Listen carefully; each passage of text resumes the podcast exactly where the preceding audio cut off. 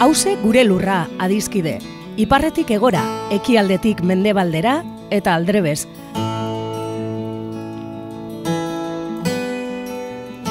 Lurra bakarra dugu edo gaituen lur bakarra da hause. Eta zaintzat dan hori dagokigunez, hemen horretaz egingo dugu berba. Lurraren zaintza kontu ekonomiko, ekologiko eta politikoa da, baita kulturala, kolektiboa eta publikoa.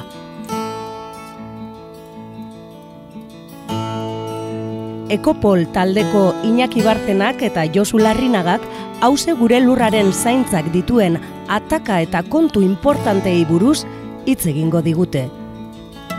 Lurrosoaren erasoa Entzuleok eh, agurtardi Bilboiri irratian gaude, hause gure lurra erratsaioan, ekologiaz eta ekologismoak eh, diardugu hemen eta gaur eh, Iñaki Barzena zientzia politikoetako irakaslea atxeun eta ekopoleko kidea daukagu mikrofonaren bestaldean. Iñaki agurtardi baita zuri ere, zer ekartzen duzu gaur? Ondamendia, ondamendia da gaurko gaia. E, duela gutxi Euskal Herrian, e, Euskal Antzokietan e, ari da antz, antzerki lan hau e, zabaltzen, oso obra interesgarria duela gutxi Donostian eh, ikusteko aukera izan nuen eta benetan txunditurik e, harriturik atera nintzen oso oso lan e, ikusgarria iruditu zitzaidan eta bueno, ba, bai, bai txuntxipenaz eta galeraz eta kalteaz eta triskantzaz hitz egiten duen obra bada.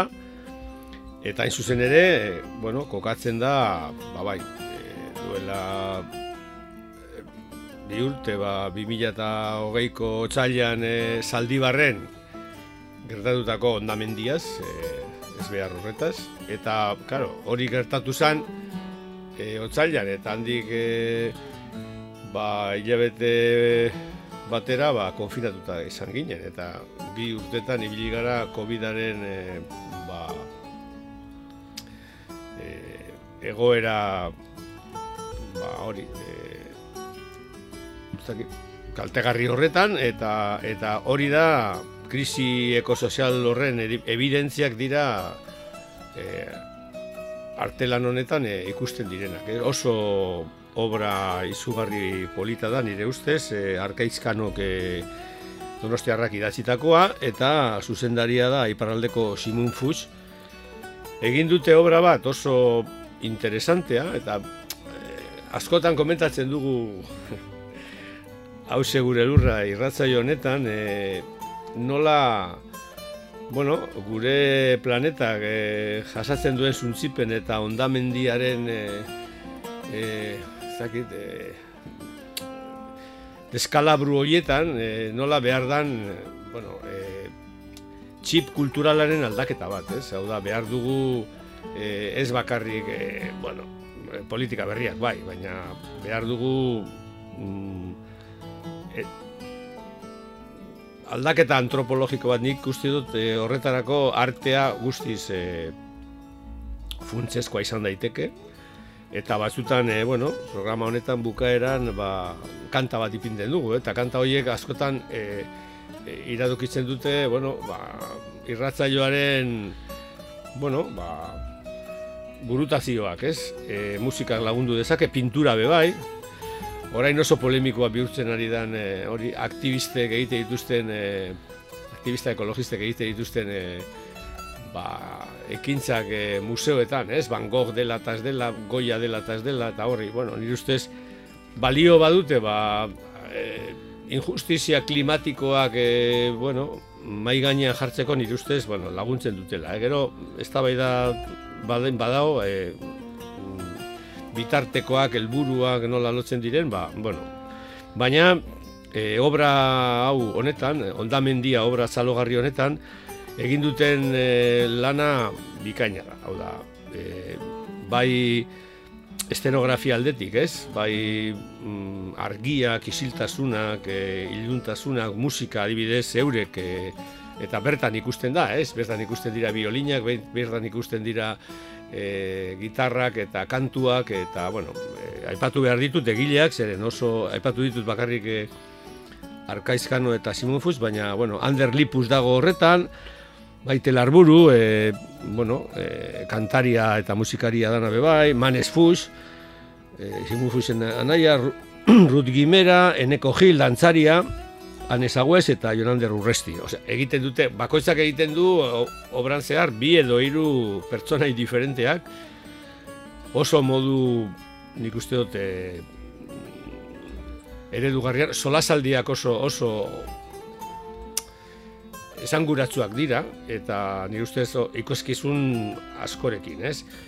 Adibidez, bar, planteatuko ditut pare bat e, nire bururako pare bat gauza interesgarriak. Adibidez, nola jokatzen dute pantailekin, ez?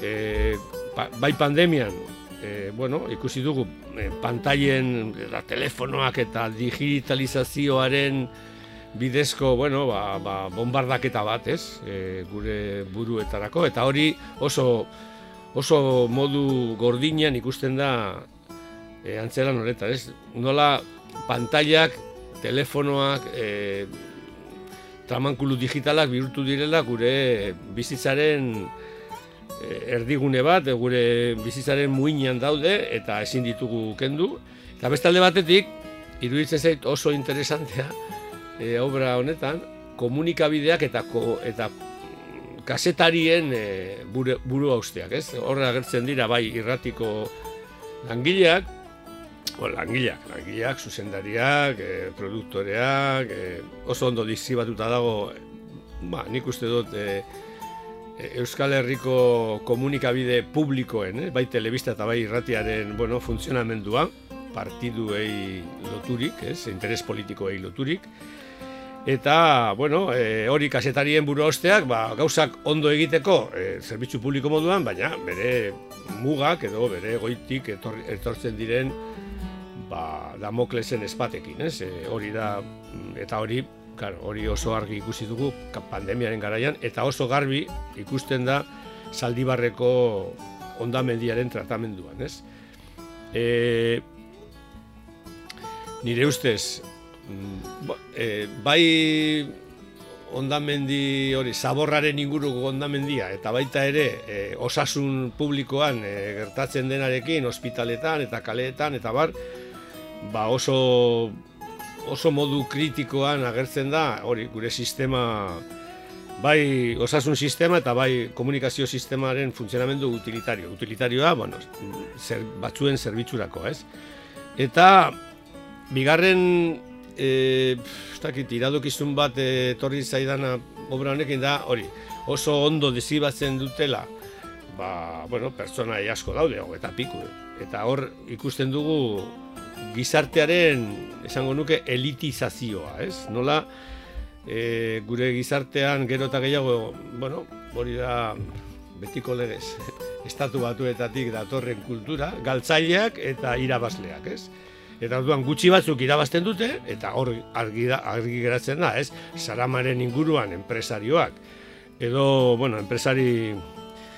Bueno, baita ere, bueno, politikari eistariak, eta gainera oso ondo badago pasarte bat hori politikariak e, eisa kontuetan ibiltzen direla, ez dakiz zer, eta gero be bai, bueno, e, ejecutiboak, ez? Bai, enpresa edo bai instituzio politikoen ejecutibo poliglotak, ez? E, oso ondo maneiatzen direnak e, hizkuntza diferentetan gauza ondo egiteko. Hoiek dira zuriak eta gero bestaldean agertzen dira, ba bueno, e, iluntasunean hiltzen diren langileak edo e, bizi diren gazteak, bere keskak eta bere egonezinekin, gaixoak, e, ospitaletan, jubilatuak eta bar eta bar. Orduan ikusten dugu hor, e, hori ondamendiaren e, gertakizun horiekin dago inertzia bat, hm? inertzia bat, e, bueno, ez dala, ez dala gelditzen, eta hori, errepikatzen dituela edo sortzen dituela alde batetik galtzaileak, eta beste alde batetik gutxi batzuen, hori da, gaur egungo gizartearen eredua, ez? E, claro, e, askotan e, irratxo honetan komentatu dugu, bueno, e, kolapsoaren irudi hori, ez da, batzuk, bueno, ekologista eh, ez dakit, eh, populista batzuk esan dute, hori ez dala eh, hori ez dala kontatu behar, ez? Eh, kolapsoaren e, gordintasun hori ez, ez digula, oza, gordintasun horrek ez digula asko laguntzen, ez duela jendea erakartzen, ez duela e, beti ekologistak e, ezin dugula beti berritxarrekin ibili, beti kontatzen e, horiek e, nolabait nora esean eramaten gaituela, ez? Ba, nik esango nuke kasu honetan, obra honek, ondamendia obra honek, antzeslan honek, e, oso funtzio positiboa duela begiak zabaltzeko, begiak e, bueno, e, begien aurrean ipinteko, bueno, gertatu zena, gertatzen ari dana, ez? Eta bebai buruan ordenatzeko e, ondo, eh? non dauden erantzunkizunak eta baita ere nik uste dut, eta hori ikusten da, bueno, publikoaren erantzunaz, ez? Eskuak beratzeko bebai, hau da, hau da lan oso, oso artistiko, oso ona, oso ona, oso kalidade handikoa, e, nire ustez, bueno, ba, merezi du, eta, bueno, su, suposatzen dut, bueno, euskaraz, e, lagun batzuk esan dut, eta bakarrik euskaraz egingo dute, ez dakit momentuz euskaraz e, dago landuta, oso, oso obra benetan e, gomendagarria da, eta nire ustez e, euskal ekologismorako ekarpen oso oso polita. Edertu inaki, e, Hor, azken momentuan e, kolapsoari buruz eta egin duzun hausnarketa iruditu zaite neko iradeokikorra. E, hori, niri bitzen zait hori zaldibarko gertaera inzuzen ere izan zela nolabait hori e, gizarte osoari begiak zabaltzeko momentu bat, ez da, gutxi iraun zuen, ze gero, bueno, hori etorri zen e, konfinamendua eta, baina momentu batean e, hori ondamendian ikusi, ondamendia e, agertu zitzaigun begien aurrean. Hau da, horre, e, autobiaren ondoan e, zegoen e, e, zera bat, ikusi behar zen e, e, azpiegitura bat edo hori, e, zabortegia, autobia gainera erori zen eta orduan mundu guztiak ikusi zuen eta bueno, eta bi hildako bi desagertu egon ziren eta orduan ere mundu guztiak ikusi zuen e, nola lantzen dugun e, zaborraren gaia, ezta? Hori e, importantea da izkutuan egotea, baina papatean danon begien aurrean e, e, kokatu zen gai hori, kokatu zen nola hori ondamendian gaudela, eta ondamendia bertan dugula, e, eta egon zen erreakzio, gizartaren erreakzio haundi bat gertatzen ari zen, etorri zen konfinamendua, eta dana gelditu zen, baina goratu behar da, bueno, momentu hartan e, e, Eusko Jaurlaritzak, e, Urkullu lendakariak e, e, hautezkundeak deituta zuela, eta bapatean e, zenolako panikoan erori ziren politikariak bebai, ez da? E, gertara horrek, horrek zerekar zezakeen, eta bueno, momentu magiko izan zen, magiko ez onerako, baina esan nahi dut, e, eta bueno, ba, gero dana moztu zen konfinamentuagatik, ez da? Eta orduan ere, zentsu horretan, ustez, artea eta fikzioa importantea da ikusteko zer gertatu zitekeen edo benetan zer gertatu zen hor dana nolabait berriro izkutatu zelako. Bai, bai, e, komunikazio politikako e, asinaturan, horre unibertsitatean lantzen dugu lenguai politikoak, ez? Eta lenguai politiko bat, gaur egun, gero eta gehiago, e, bueno, ba, praktikan ikusten duguna da, krisi, krisi lenguaia, ez? E, non, bueno, eh, elite e, e, instituzionalek eta politikoek eta baita ere enpresarialek e, bueno, ba, egoeraren berri, egoeraren deskibapen bat eman behar dutela egoera kritiko batean, ez? Eta zuk esan duzun bezala, nigo horazen dut osongi, ba hori, 2008ko otzailan gertatutako ezbehar horren atzean, zelan, bueno, nola, nola e, agertzen ziren, e, bueno, edo, edo ez ziren agertzen, ba, azalpenak emoteko, ez? E, azalpenak emoteko, trizkantza horren ortean, eta gainera bi pertsona hor e, sarama aspian hilda zeudenean, eta bata inoz ez da agertuko. Orduan, ba, bai, e,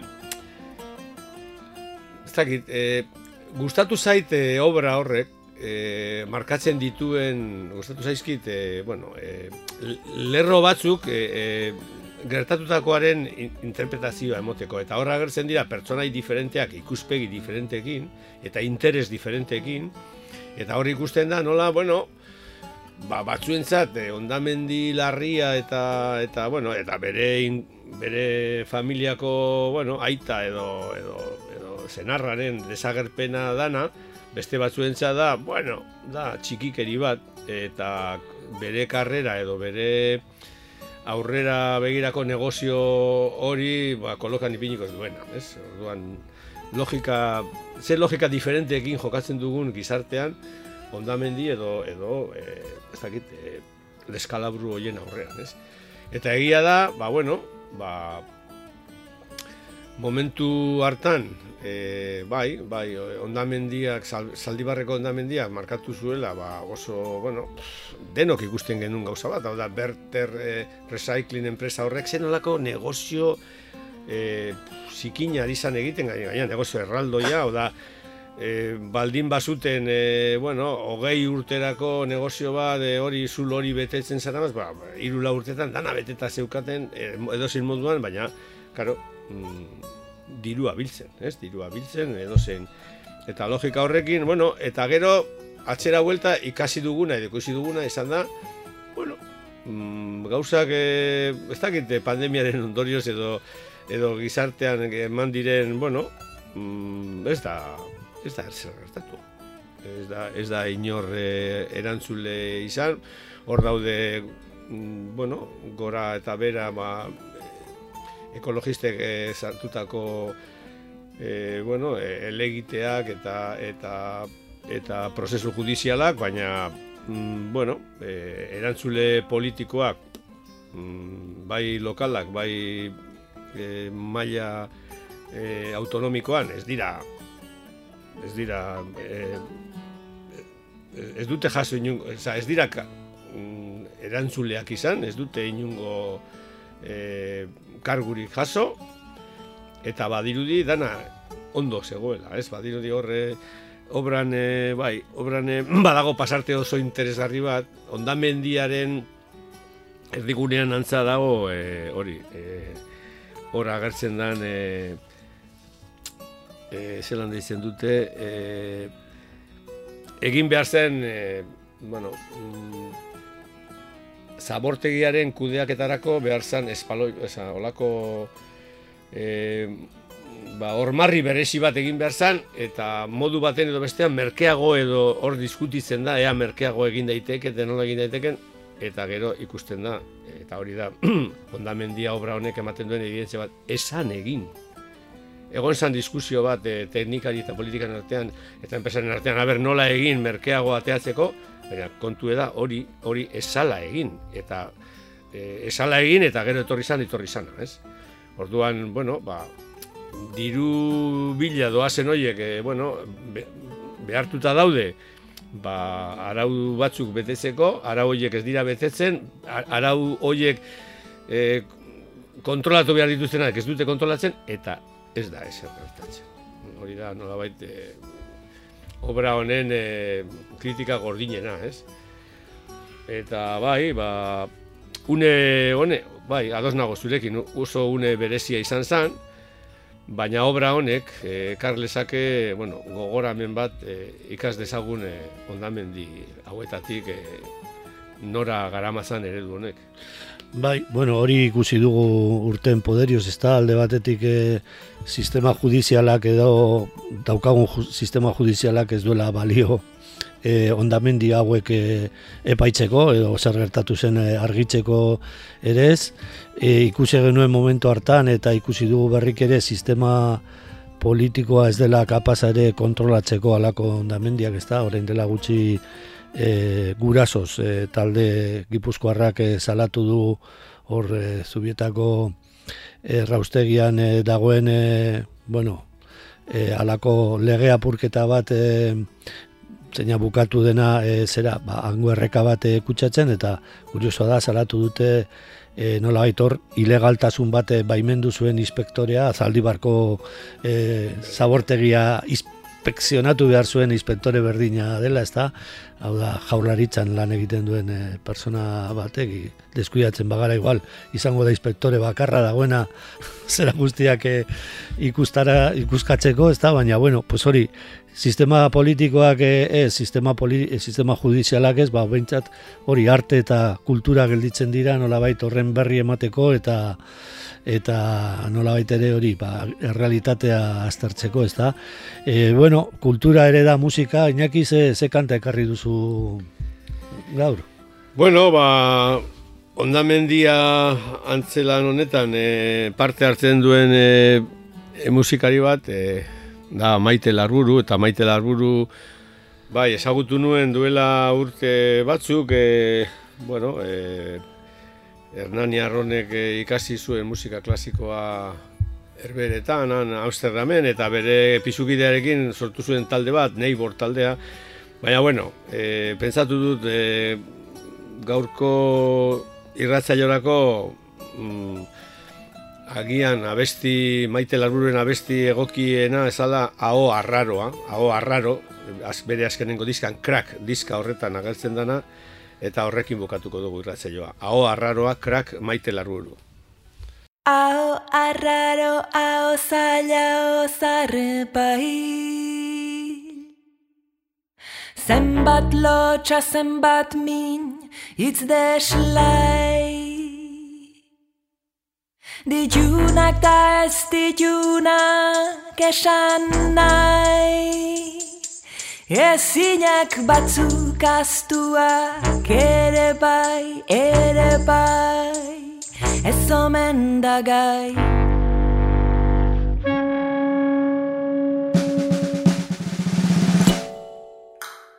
Aho arraro, aho zaila,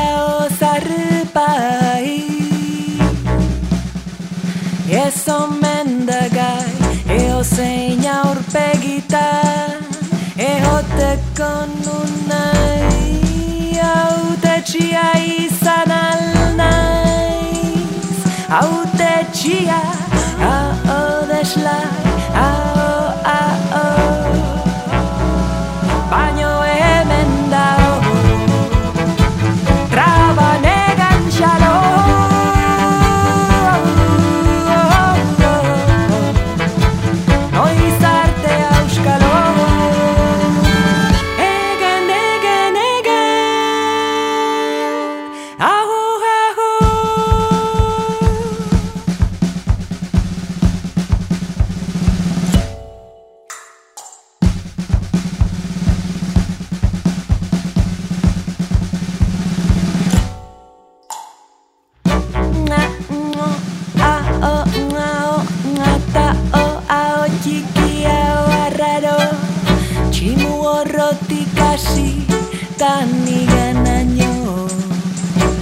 Bere espain